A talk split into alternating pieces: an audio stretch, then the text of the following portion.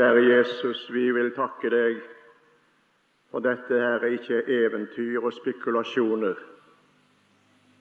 Dette er ikke noen ting som vi har funnet på sjøl og gjette oss fram til, og som ikke har realiteter bak. Dette skal bli vår historie. Dette skal bli realitet for oss en dag. Det skal bli fortid, også din gjenkomst for din menighet.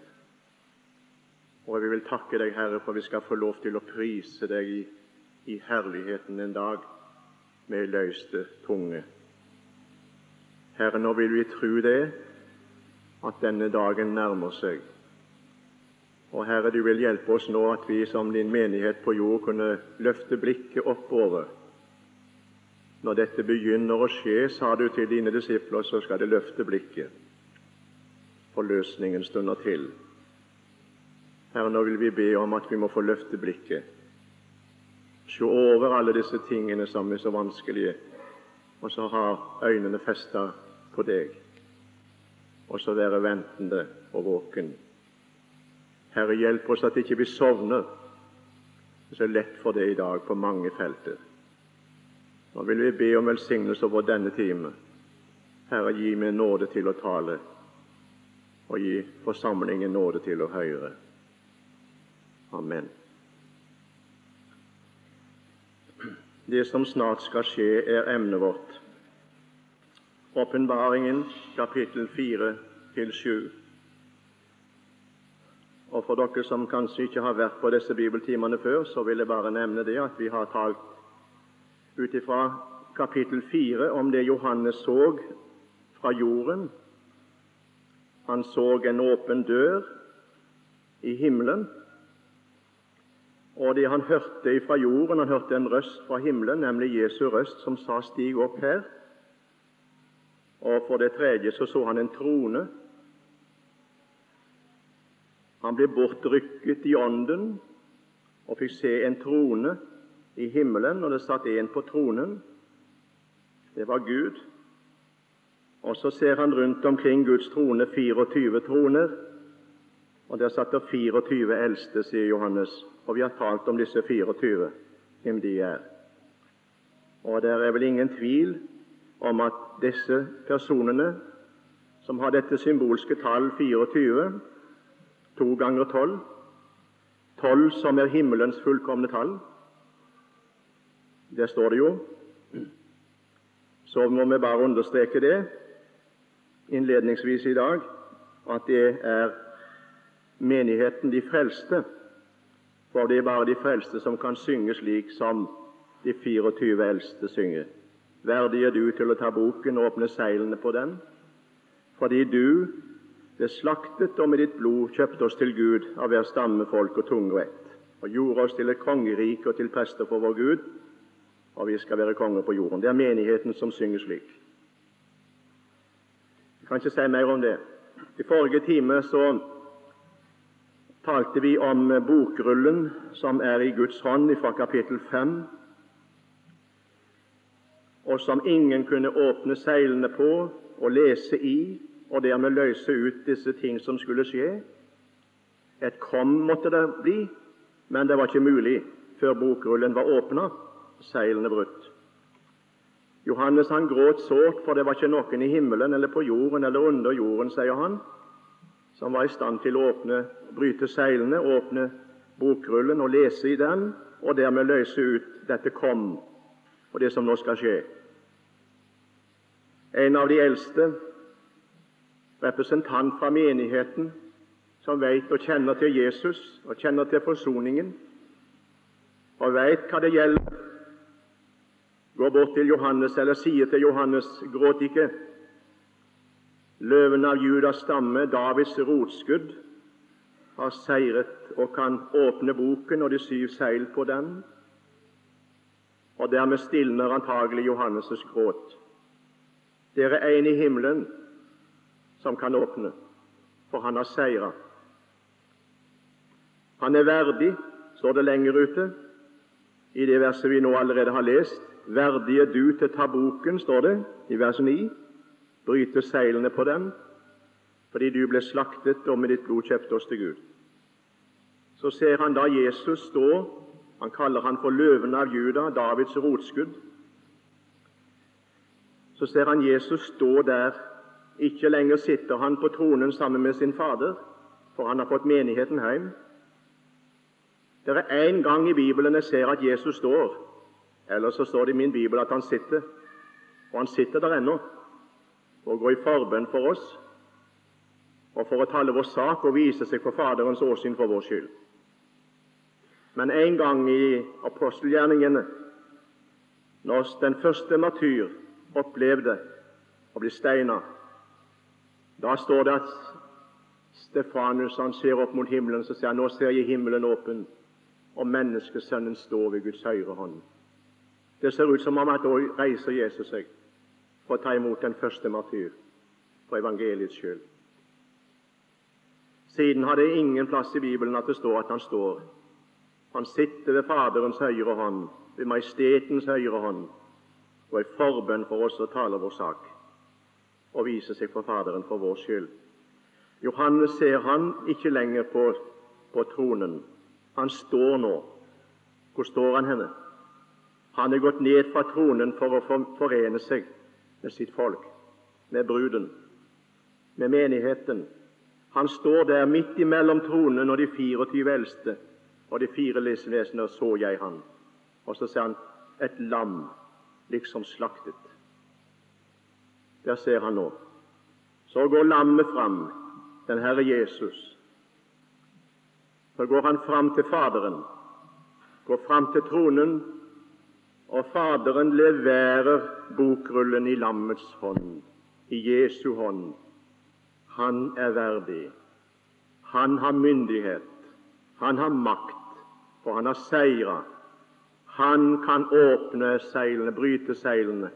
Han kan åpne bokrullen og la det skje, det som skal skje heretter. Og Jeg ville gjerne få sagt det her i denne forbindelse før vi går videre. Historien verdens historie og endetidshistorien er i din allmektiges hender. Vi skal ikke tro at det skal skje på slump noen ting. Jeg hadde håpet å si det. Det er full kontroll der oven. Det er full kontroll. Ingenting vil skje av alt dette som åpenbaringen taler om, vil skje. Det er ikke vredeskåler eller basuner eller noe som skal blåse eller ting som skal skje. Det vil ikke skje noen ting før lammet. Det er lammet som gir tillatelse til det hele. Så bryter seilene. Og Nå skulle vi gjerne ha tid til å tale om alle disse sju seil, men det kan vi ikke ta tid til. Vi skal tale om det første seil bare. Og det står i kapittel 6. Og Jeg skal lese de to første vers der. Og jeg så Og legg merke til det er øyenvitne. Jeg så. Derfor har vi i åpenbaringen både 'jeg så' og 'jeg hørte'. Både hø, ser, altså øyenvitne og hørevitne. Og så sier han her 'Og jeg så da lammet åpnet ett', altså det første av de syv seil. Og jeg hørte ett av de fire livsvesener si med tordenrøst 'Kom'. Og jeg så se en hvit hest, og han som satt på den, hadde en bue. Og det ble gitt ham en krone, og han dro ut med seier og til seier. Spørsmålet er da, og det vil jeg gjerne prøve å si litt om her nå Hvem er denne personen som sitter på den hvite hest med en bue, får en krone, drar ut med seier og til seier. Det har vært mange spekulasjoner og mange fortolkninger, og jeg skal ikke ta meg tid til det eh, og nevne alle disse, for det vil ta for lang tid. Men eh, eh det er noen som mener det at det må være Kristus siden det står en hvit hest. Og det må være Kristus fordi at uh, det står nå om at han drar ut med seier og til seier. For Jesus har jo seira. Og nå skal han dra ut i folkehavet, ut i verden, og det skal bli en stor vekkelse da. Evangeliet skal gå en veldig seiersgang utover verden eh, før, før, endens tid og før det avsluttende drama. Jeg vil gjerne få si det at det kunne vært veldig fint om det ville være sant. Jeg vil gjerne si det. Og vi, Jeg vil gjerne ikke være med på noen måte her i dag og, og, og si det at ikke det kan skje vekkelse. Det er kanskje store ting, det får vi håpe, også i kommende dager. Men jeg vil gjerne si en ting for at ikke vi skal være helt uh, banale her og tror det at nå bare det skjer noen ting, så skal det, så skal det bli vekkelsestid. Jeg kan finne ut det når jeg leser i åpenbaringen, at jo større plagene ble Jeg sa det i formiddag òg. Jo større nød det ble, og, og lidelser og vanskeligheter, jo mer spotta de Gud og omvendte seg ikke. Ja, slik står du kan selv lese i åpenbaringen. Og En annen ting jeg vil gjerne understreke, men jeg skal komme litt inn på i min siste bibeltime her. Nå skal jeg snakke om den skaren som ingen kan telle. Billy Graham. Jeg har all respekt for Billy Graham, men jeg er ikke alltid enig med det han eh, den måten han gjør det på, det vil jeg vil si i mange tilfeller, spesielt dette med prognoser og, og, og, og galluper og alt dette her på kristen plan, det liker jeg ikke. Nei, jeg har ikke lyst til å, å, å ta det fram. Men la meg likevel få nevne at Billy Graham han sier det, at folkeeksplosjonen i verden, sier han, er så stor.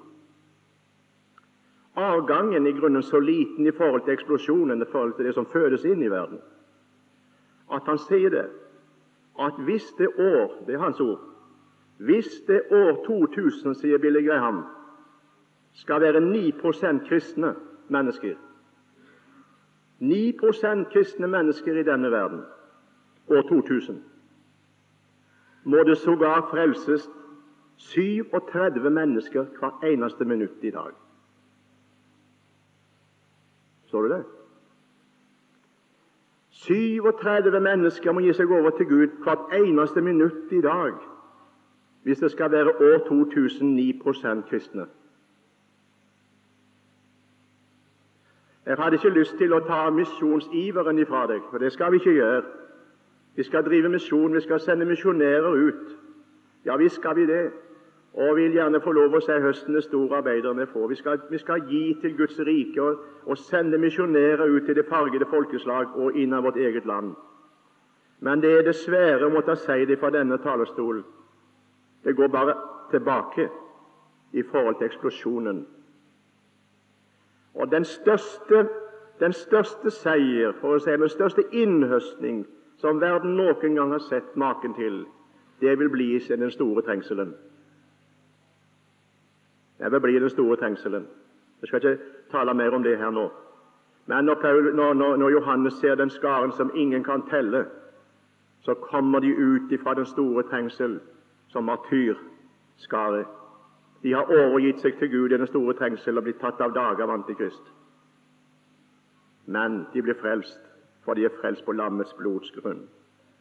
Tvettet sine kjortler, gjort de hvite i lammets blod. Men la oss nå gå til emnet her. Denne hvite hesten og rytteren på den hvite hesten er ikke Kristus. Det er at han drar ut med seier og til seier, er ikke Kristus som drar ut med seier og til seier, evangeliets seiersgang, men det er anti-Messias, antikrist. Ingen tvil om det. Og Jeg skal bevise det ikke fordi at jeg skal nå ta mine meninger fram her, men jeg skal belegge det med Guds ord. Og Det hjelper så lite om jeg stiger fram her og sier det mener jeg. Det dere mener jeg, må være Han. Men jeg vil belegge det med Guds ord, slik at du skal få være sikker. Skal slippe å sitte her under talerstolen i Åkerhallen i dag og si jeg er ikke så sikker på om Raukenes har rett. Nei, nei, du kan gjerne si at jeg ikke har rett. Du kan, gjerne, du kan gjerne ta det der opp hvis det er mine meninger. Men hvis, går, hvis Guds ord sier noe annet, da må du godta det. Er du villig til det, kjære tilhører? Antikrist Det betyr istedenfor Kristus eller mot Kristus. Og Jeg må gjerne her få nevne det her at Antikrist i Bibelen har jo flere navn. Jeg skal komme litt inn på det. I kapittel 13 kalles han for dyret fra havet. Jeg så et dyr stige opp av havet, skrev Johannes. Han kalles for fortapelsens sønn, for syndens menneske, osv. I, den sataniske treen, det, I det sentaniske forhold er det også en treenighet. Og Jeg vil gjerne si det som har vært Satans måte alle dager, det er å etterligne Gud ifra han sjøl falt.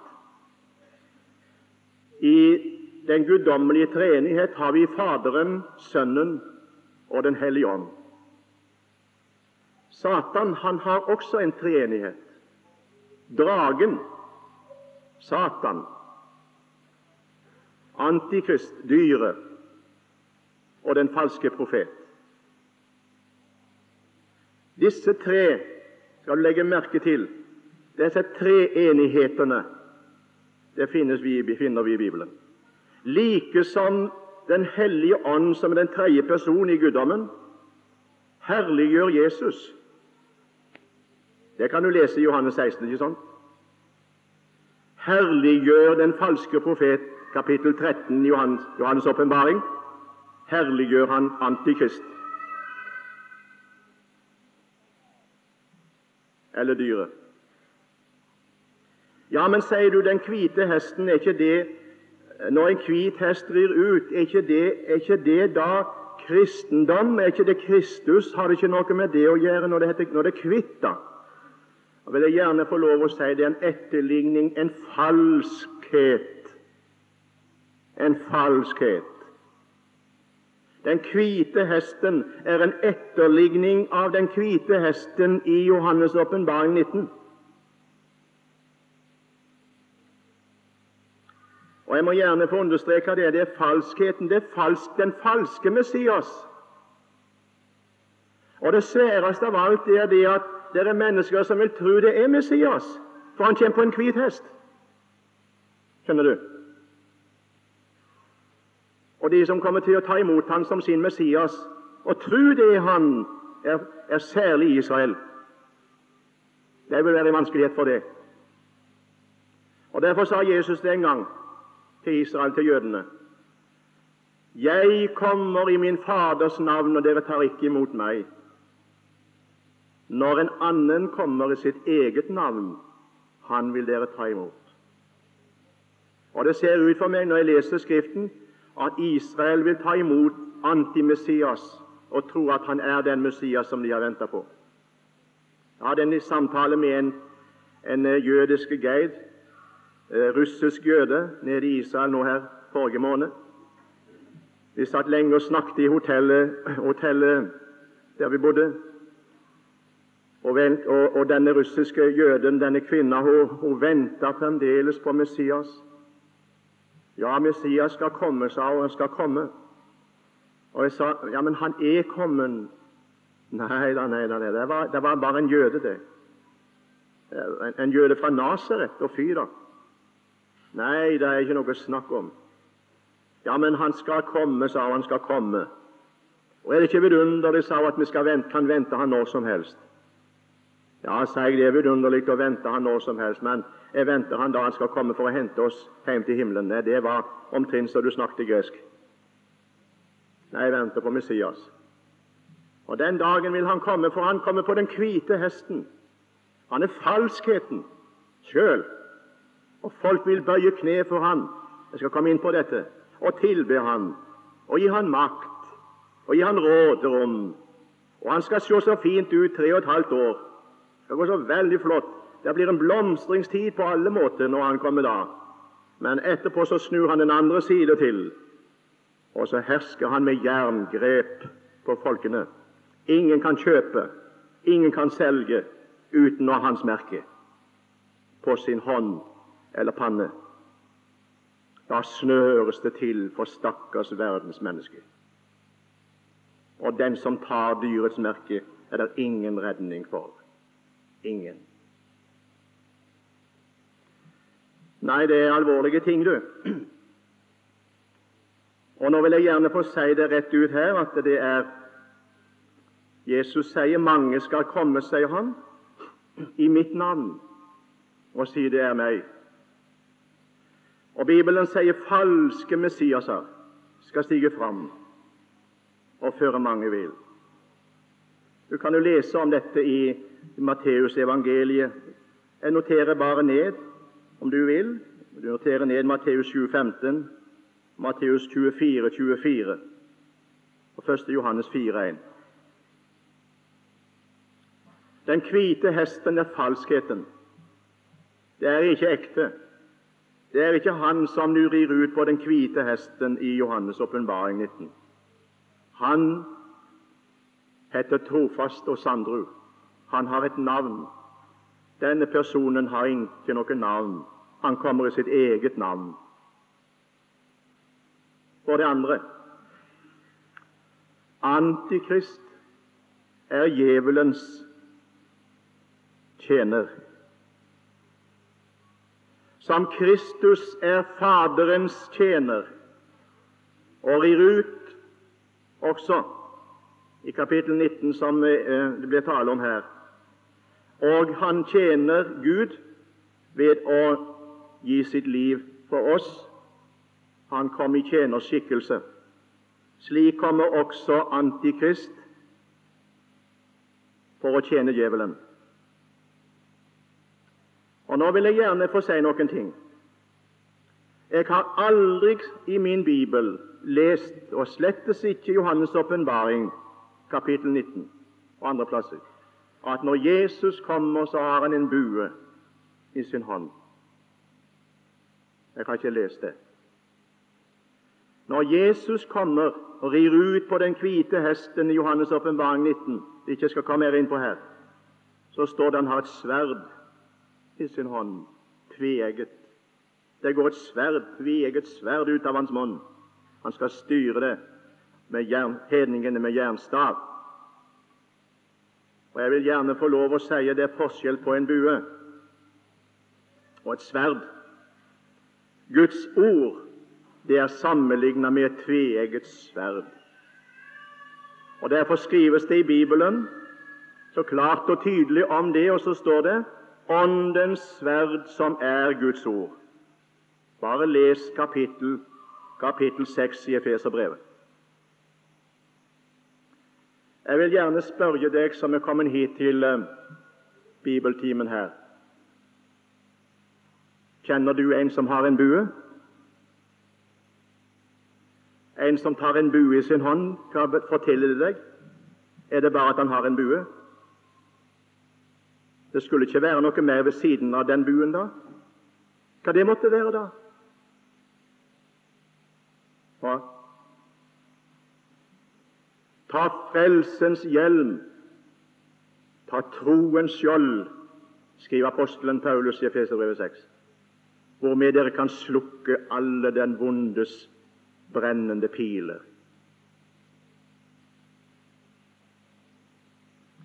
Det står ikke at han har piler. Og det står heller ikke i Efeserbrevet kapittel 6 du kan gjerne slå det opp med meg at uh, djevelen har en bue. Men en bue uten piler er nytteløst. Piler uten bue er gangløst. En kan ikke skyte uten en har piler, og en kan ikke skyte uten en har bue. Det ligger jo i selve sakens natur. Se hva det står da i kapittel 6 i Efeserbrevet, vers 16. Og grip foruten alt dette troens skjold, hvormed dere skal kunne slukke alle den vondes brennende pile, og ta frelsens hjelm og åndens sverd, som er Guds ord. Jeg ser det slik, og jeg tror det er riktig ut ifra Bibelen. Jeg vil ikke si noen ting om at, at jeg personlig skal, at det skal, Røykenes har sagt dette her, så da må det stå fast. Nei, det er Guds ord vi må holde oss til, kjære venner. Og Hvis ikke jeg kan belegge dette, og at ikke dette kan være grunnfesta i Guds ord, så la oss heller la være å snakke om det. Jeg ser det i Guds ord. Det blir en bue lagt i hans hånd. Han rir ut med en bue. Han er den tjener som det heter om, har de vondest brennende piler. Det er Satans tjener. Det er hans Messias som rir ut. Og Derfor vil jeg gjerne si det her. De er giftige, og det er mange som opplever disse giftige pilene i dag. Eh, stakkars disse mennesker som, eh, som tror det at Satan er bunden. Det er noen mennesker som er så banale, banale at de tror det at, at nå, nå, er Satan bonden. Nei, kjære venner, han har aldri vært så løs som nå. Peter han skriver sitt første brev, og så sier han i kapittel 5 og vers 8 Der taler han om det at at djevelen sier han går omkring som en burende løve og søker hvem han kan oppsluke. En dag så skal han bli bundet, men det er ikke før Jesus kommer igjen for å opprette sitt rike. I kapittel 20 i Åpenbaringen kan du lese om det. Tar han den gamle drage, slangen, ormen, i kapittel 19, i slutten av kapittel 19, uten at jeg skal komme inn på det som han Aun Gjelvik taler om, så tilintetgjør han Antikrist og den falske profet og kaster det i ildsjøen. Og så oppretter han sitt rike. Jeg vil gjerne si det her. Han går omkring som en burende løve. Og han skyter med sine giftige, brennende piler i menneskemassen i dag. Og treffer mange hjerter og dreper mangt et liv. Han gjør det, dere. Og troende venner, vi må være våken for disse giftige, brennende pilene. De skytes inn i forsamlingene våre. Det skytes inn fra lærde hold. Det skytes inn fra lekhold. Det skytes inn. Det gis tillatelse. Troeskjoldet er borte. En mister troen på Guds ord, slik som det står i Bibelen. Og så har Satan gjort oss en bjørnetjeneste. Og vi har gjort oss sjøl en bjørnetjeneste, for vi holder ikke fast. Står han imot faste i troen, skriver Peter i samme, i samme andedrag. For det samme lidelser er lagt på deres brødre i verden. Står han imot faste i troen. Troende venner på bibelkurset 1984. Løft troeskjoldet. Hold det framfor hjertet ditt og hodet ditt, tanken din og han tar gjerne tanken, skyter gjerne først inn i tanken, og så går den pilen ifra tanken og inn i hjertet. Og så er det gift, og så er det brennende piler som dreper tilliten til Guds ord. Det er min uh, appell her i dag. Altså når Antikrist rir ut som falskheten på den hvite hest, den falske Messias, har han en bue og så det tredje han har en krone. Den hadde han ikke når han rei ut, men det ble gitt han en. Når du ser Messias, den ekte, sanne Messias, Kristus rir ut, i kapittel 19 så står det ikke det at han får en krone, men det står når han rir ut med sine hellige Skarene i himmelen følger han. Har han mange kroner på, hode, på sitt hode. Mange kroner. Så det er ikke noe han blir, det blir gitt, men her er det menneskene som gir han den. Og kronen som blir gitt, betyr da du er vår konge. Du skal være vår mann. Verden gir antimessias makten. Det er det de venter på. Det skal komme en mann som vi kan gi makten til, og som kan ordne opp i sakene her i denne verden.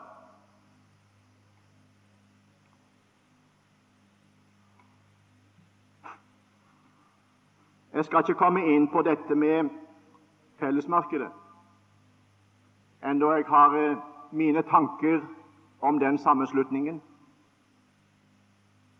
som kan hende være en plattform og en begynnelse til det hele. Jeg bare siterer det som skjedde da EEC-traktaten ble undertegnet i Roma. Da disse personene som undertegnet EEC-traktaten, eller Fellesmarkedet, traktaten som det heter, satt der i Colosseum Det fortelles iallfall i de avisene som kom ut i de omegnene der i Italia. Og det ble også sitert i andre land, men ikke i Norge. Jeg fant ikke en eneste plass i Norge aviser at det ble skrevet om det. Men eh, det skildres iallfall at når eh, EEC-traktaten ble undertegnet, og det var skjedd De satt der med, med gullpenner og skrev under på traktaten. Eh, bordet det, det, det, det bugna av damask og silke og blomsterflor. Og kirkeklokkene i Roma slo alle sammen. Det var fri i skolene. Eh, forretningene stengtes. Det var reine stemningen i hele denne verdensbyen. Og så satt disse personene der inne og skrev under på traktaten. Og så holdt de tale. Det fortelles det at den som var mest og, og, og brukte sterkeste uttrykk og var mest uh, begeistra over det hele som skjedde nå, det var Paul Henry Spak, den belgiske utenriksminister. Han reiste seg ved bordet, slo ut med hånda, heter det. Og Nå har jeg det direkte sitert, uten at jeg hadde papiret her, men jeg, jeg kan huske det. La han komme, la han komme, den mannen vi venter på, sa han. Nå reises det gamle Romerriket på nytt fra ruinene. Og nå kan han komme, den mannen vi venter på. Vi skal ta imot han, enten han er en gud eller en djevel. Det er ekte. Akkurat slik ble det sagt. Og Du kan undersøke om ikke det er sant. Vi skal ta imot han enten det er en gud eller en djevel, bare han får slutt på krig og korrupsjon og elendighet i denne verden. Verden venter på en som kan ta makten og få ordne opp i sakene. Vi venter på en som har makten. Og jeg vil gjerne få lov å si det løven av Juda, Davids rotskudd, har seiret. Han venter vi på. Og han skal komme, og han kommer snart, kjære venner. Jeg vil gjerne få si det slik som jeg opplever det i min ånd om dagene. Jeg tror han er nærmere på sin menighet enn vi aner. Ja, for den slags skyld så behøver ikke vi komme hjem til, til våre respektive heimsteder. De kan gjerne bli tatt herifra i Åkerhallen under en bibeltime. Så nær er han. Det skal ingenting skje som ikke kan At det ikke kan skje når som helst. Verden vil gi han makt og det med kronen, det er da at de gir han kongemakt, og han skal herske. Se hva det står nå her. Og dragen, djevelen, han, han, han gir han makt også til dette. Se hva det står i kapittel 13. Vi slår opp det.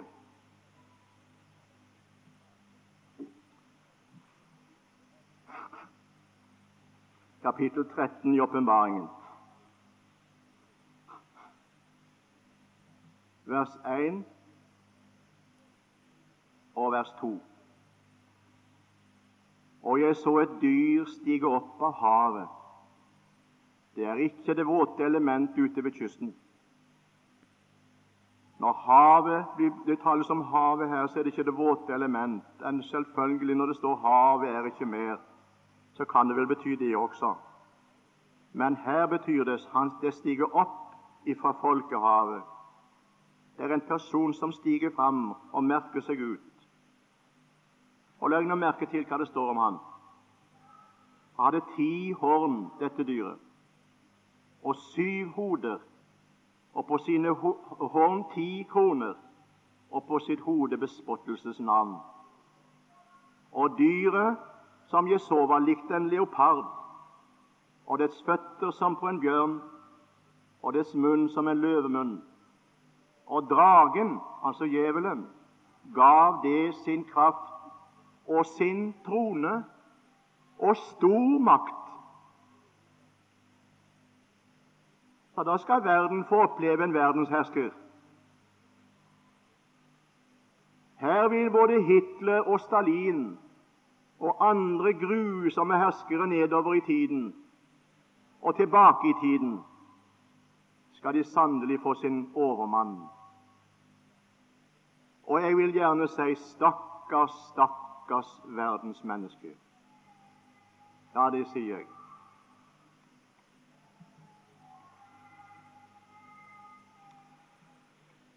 Den sataniske treenighet, den sataniske makt, vil sannelig få, få, få komme til. Og det skal menneskene måtte få svi for. Det er klare ord i Skriften. Men så kommer vi til det neste punkt. Og det er dette som mange nå er så veldig opptatt med, at det må være Messias, det må være Kristus, og det må være evangeliet som når sin seiersgang. Og så synges det av hjertet da, det synges på misjonsmøter. Og vel, vi skal bruke det, vi skal kunne bruke den sangen, men uten at vi nevner den som, anti, som Kristus eh, her. Men den sangen kan vi synge seirende og for å seire livets fyrste drager ut bryter hedenskapets leire for å hente hjem sin brud. Den kan vi synge. Men eh, når det står det her Han dro ut med seier og til seier. Det kan også sies om Antikrist. Kristus rir ikke ut på den måte, men han rir ut fordi han har seira. Og han rir ut og proklamerer sin seier. For han henter hjem sin menighet til himmelen og rir ut med sine hellige, kommer med sine hellige for å opprette sitt rike, i kapittel 19 og 20. Ja, hva ligger det i dette, da? Jeg vil gjerne få lov å si det at før Antikrist stiger inn og rir inn i verden på den hvite hesten med sin bue og med sin krone, har han vunnet seier i folkehavet på tre felter. Vil du ta det med? Minst tre felter, for ikke å si fire. Han kommer til et dekka bord, kjære venner. For det er nemlig den ånd som han har, som har beherska verden og lagt alt til rette for han, så han kan stige inn når som helst, for så vidt. For det første han drar ut med seier. Det vil si, han har seira i folket en åndelig seier. Ja, sier du det? Ja, det har han, og det begynner sannelig å merkes at han seirer allerede ved sin ånd. Skal vi slå opp 1. Johannes brev, kapittel 2, 18-23. 1. Johannes brev, kapittel 2, 18-23. Og du kan notere ned om du vil. 1. Johannes brev, kapittel 4, 1-6. Altså 1. Johannes brev 2, 18-23.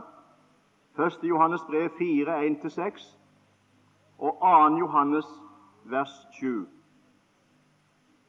Skal jeg få lov å lese det som står i 1. Johannes brev 2, 18? Mine barn, det er den siste time som dere har hørt at antikristen kommer.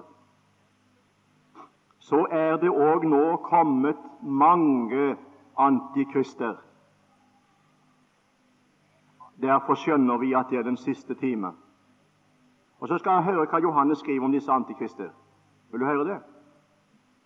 De er gått ut fra oss De var altså innenfor det kristne fellesskap, om vi skal si det på den måten. Innenfor den organiserte kirke, for å si det på vårt måte. De er gått ut fra oss, men de var ikke av oss. Altså, De hadde ikke det, det, det, åndelige, det åndelige liv. De var ikke født på ny på den måten. De, ikke, de hadde ikke livet på den måten. De var ikke av oss. For hadde de vært av oss, så har de blitt hos oss. Men det skulle bli åpenbart at ikke alle er av oss. Og dere har salvelse av Den hellige ånd og vet alt. Jeg skriver ikke til dere for at dere ikke kjenner sannheten, men fordi dere kjenner den og vet at ingen løgn er av sannheten. Hvem er løgneren uten den som nekter at Jesus er Kristus? Dette er antikristen, den som nekter Faderen og Sønnen. Jeg vil gjerne få lov å spørre denne forsamling er dette ukjent. Er dette ukjent? Det tror jeg ikke. Den ånd som nekter Faderen og Sønnen. Og så står det i vers 23.: Hver den som nekter Sønnen, har heller ikke Faderen. Den som bekjenner Sønnen, har òg Faderen. Kjenner vi til den åndsmakt i tiden, dere? Er det personer som er gått ut fra oss, og som ikke var av oss, og som nekter Gud og nekter Kristus, nekter Faderen, nekter Sønnen? Jeg bare stiller spørsmålet fram. Kapittel 4, Johannes første brev. Dere elskede, tro ikke enhver ånd, men prøv ånden om de er Gud, for mange falske profeter er gått ut i verden. For dette skal dere kjenne Guds ånd. Hver ånd som bekjenner at Jesus er Kristus kommet i kjød, er av Gud. Hver ånd som ikke bekjenner Jesus, altså kommet i kjød som frelser og forsoner, er ikke av Gud. Og dette antikristens ånd, som dere har hørt kommer, og den er allerede nå i verden. Jeg vil gjerne si det her i, i denne forbindelse, dere, at den ånd, den fornektende ånd, den som fornekter Gud og fornekter de hellige skrifter og fornekter dette med Kristus, fornekter jomfrufødselen, fornekter dette som står i vår bibel, det er ikke Guds ånd. Fornekter Kristi komme. En av disse personene, jeg vil ikke nevne navn, sa det på et møte jeg var og hørte han. Jeg syns det er alvorlig. Han sa det slik Jesus fra Nasaret sa aldri at han var Guds sønn. Jeg vet ikke om fyren har lest Bibelen i hele tatt. Har du lest det i Bibelen at han sa det? Sa han aldri at han var Guds sønn? Sa han aldri at han var Messias? Ja, hva sa han da? Han sa 'Jeg er Guds svar til verden'. Jeg skrev et brev til han og spurte han om han ville vise meg, om han ville vise meg hvor det sto henne. 'Jeg gir Guds svar til verden'. Jeg hadde lest Bibelen noen ganger, men jeg hadde ikke funnet det, så jeg, kanskje jeg hadde hoppet over det. Ikke sett det. Jeg fikk ikke svar, har ikke fått det ennå. Den samme person ble spurt i et møte, det møtet tror, tror du på at Jesus sitter i himmelen. Ja, sa han idet han tok pipa ut av munnen og blåste en lang blås. Men jeg tror ikke på en Sputnik-reise av Jesus gjennom verdensrommet.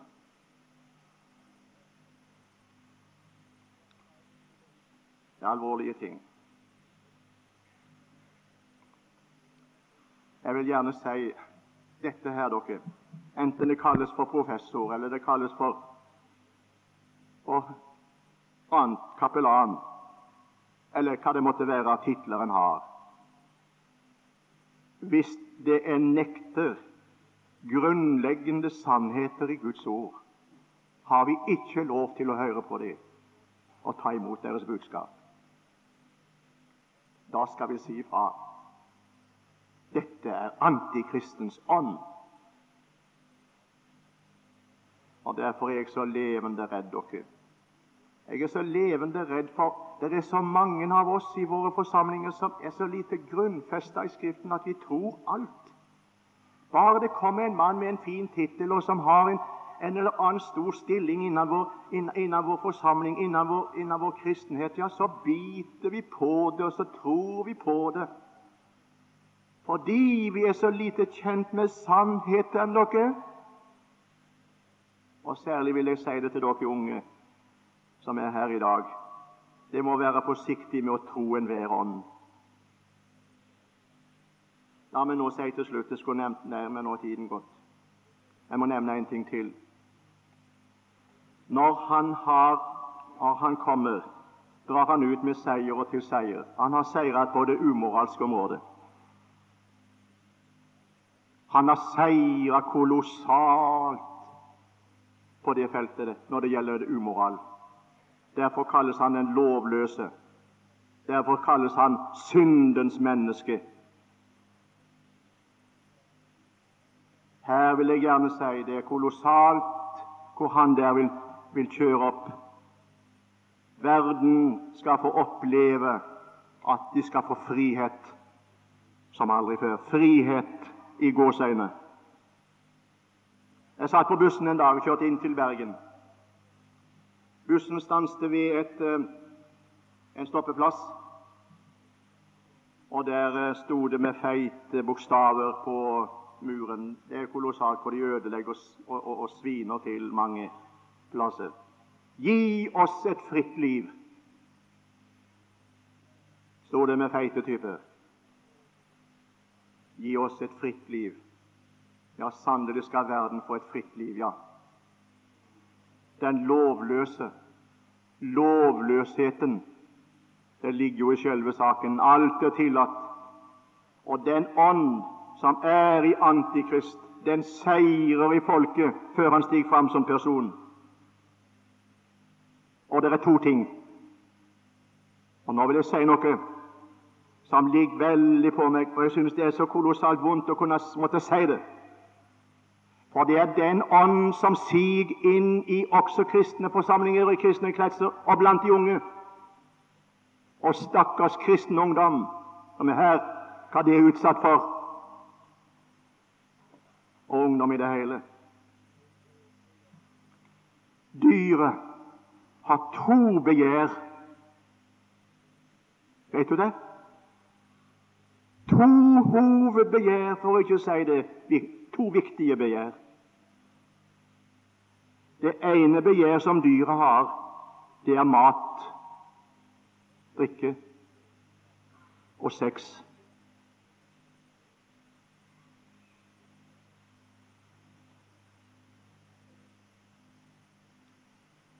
Når Antikrist kommer, så finner han det dekka bord for folket i Norge og utover verden har sluppet denne åndsmakten til i ekteskapelige stand, i utenomekteskapelige forbindelser. Det er løst, det er moralske forhold og normer. Kast over bord. Vi vil ikke ha det. Vi vil leve fritt. Hva er dette for noe? Det er antikristens seier i folket. Når han kommer dere så skal sannelig verden få leve fritt, ja. Alt skal være tillatt. Ingenting er synd. Nei da, nei, du må ikke snakke om det. Du har lov til å leve sammen med andre mennesker. Du må ikke ta hensyn til det om du, er, om du har det aldri så mye i orden i ditt forhold familiært. Nei, da skal verden få leve fritt. Og da skal verden, venner, få drikke av staupet som Han skjenker, og det skal være tilfredsstillelse både materielt og seksuelt. Det kan du lite på. Da skal de få det som de vil ha det. Og Derfor vil jeg gjerne si det her. Jeg skulle gjerne hatt en time bare om dette. Og nå er vi inne på noe som jeg har inntrykk av er 100 aktuelt også i dag på Åkerhavn. Ånden seirer før personen stiger fram. Gud gi oss, Gud spar oss, og Gud hjelp at dere som er unge her, som nå har framtiden for dere, vil være våken for den åndsmakt. Dere seier i Jesu blod. Å leve nær Jesus er redningen for deg. Så vil ikke den åndsmakt få tak i din sjel og i din tanke på alle disse felter. Uten at du aner det, så er den der og griper din sjel og din tanke og ditt hjerte. Lev ned Jesus. Lev i Hans ord. Lev i Hans forsoning. Dere er Satan levende redd å komme. Der vinner du over han. Sverdet har du. Bruk det. Troens skjolden har du. Hold det fram, og slukke de vondes brennende piler på den måte. Herre Jesus,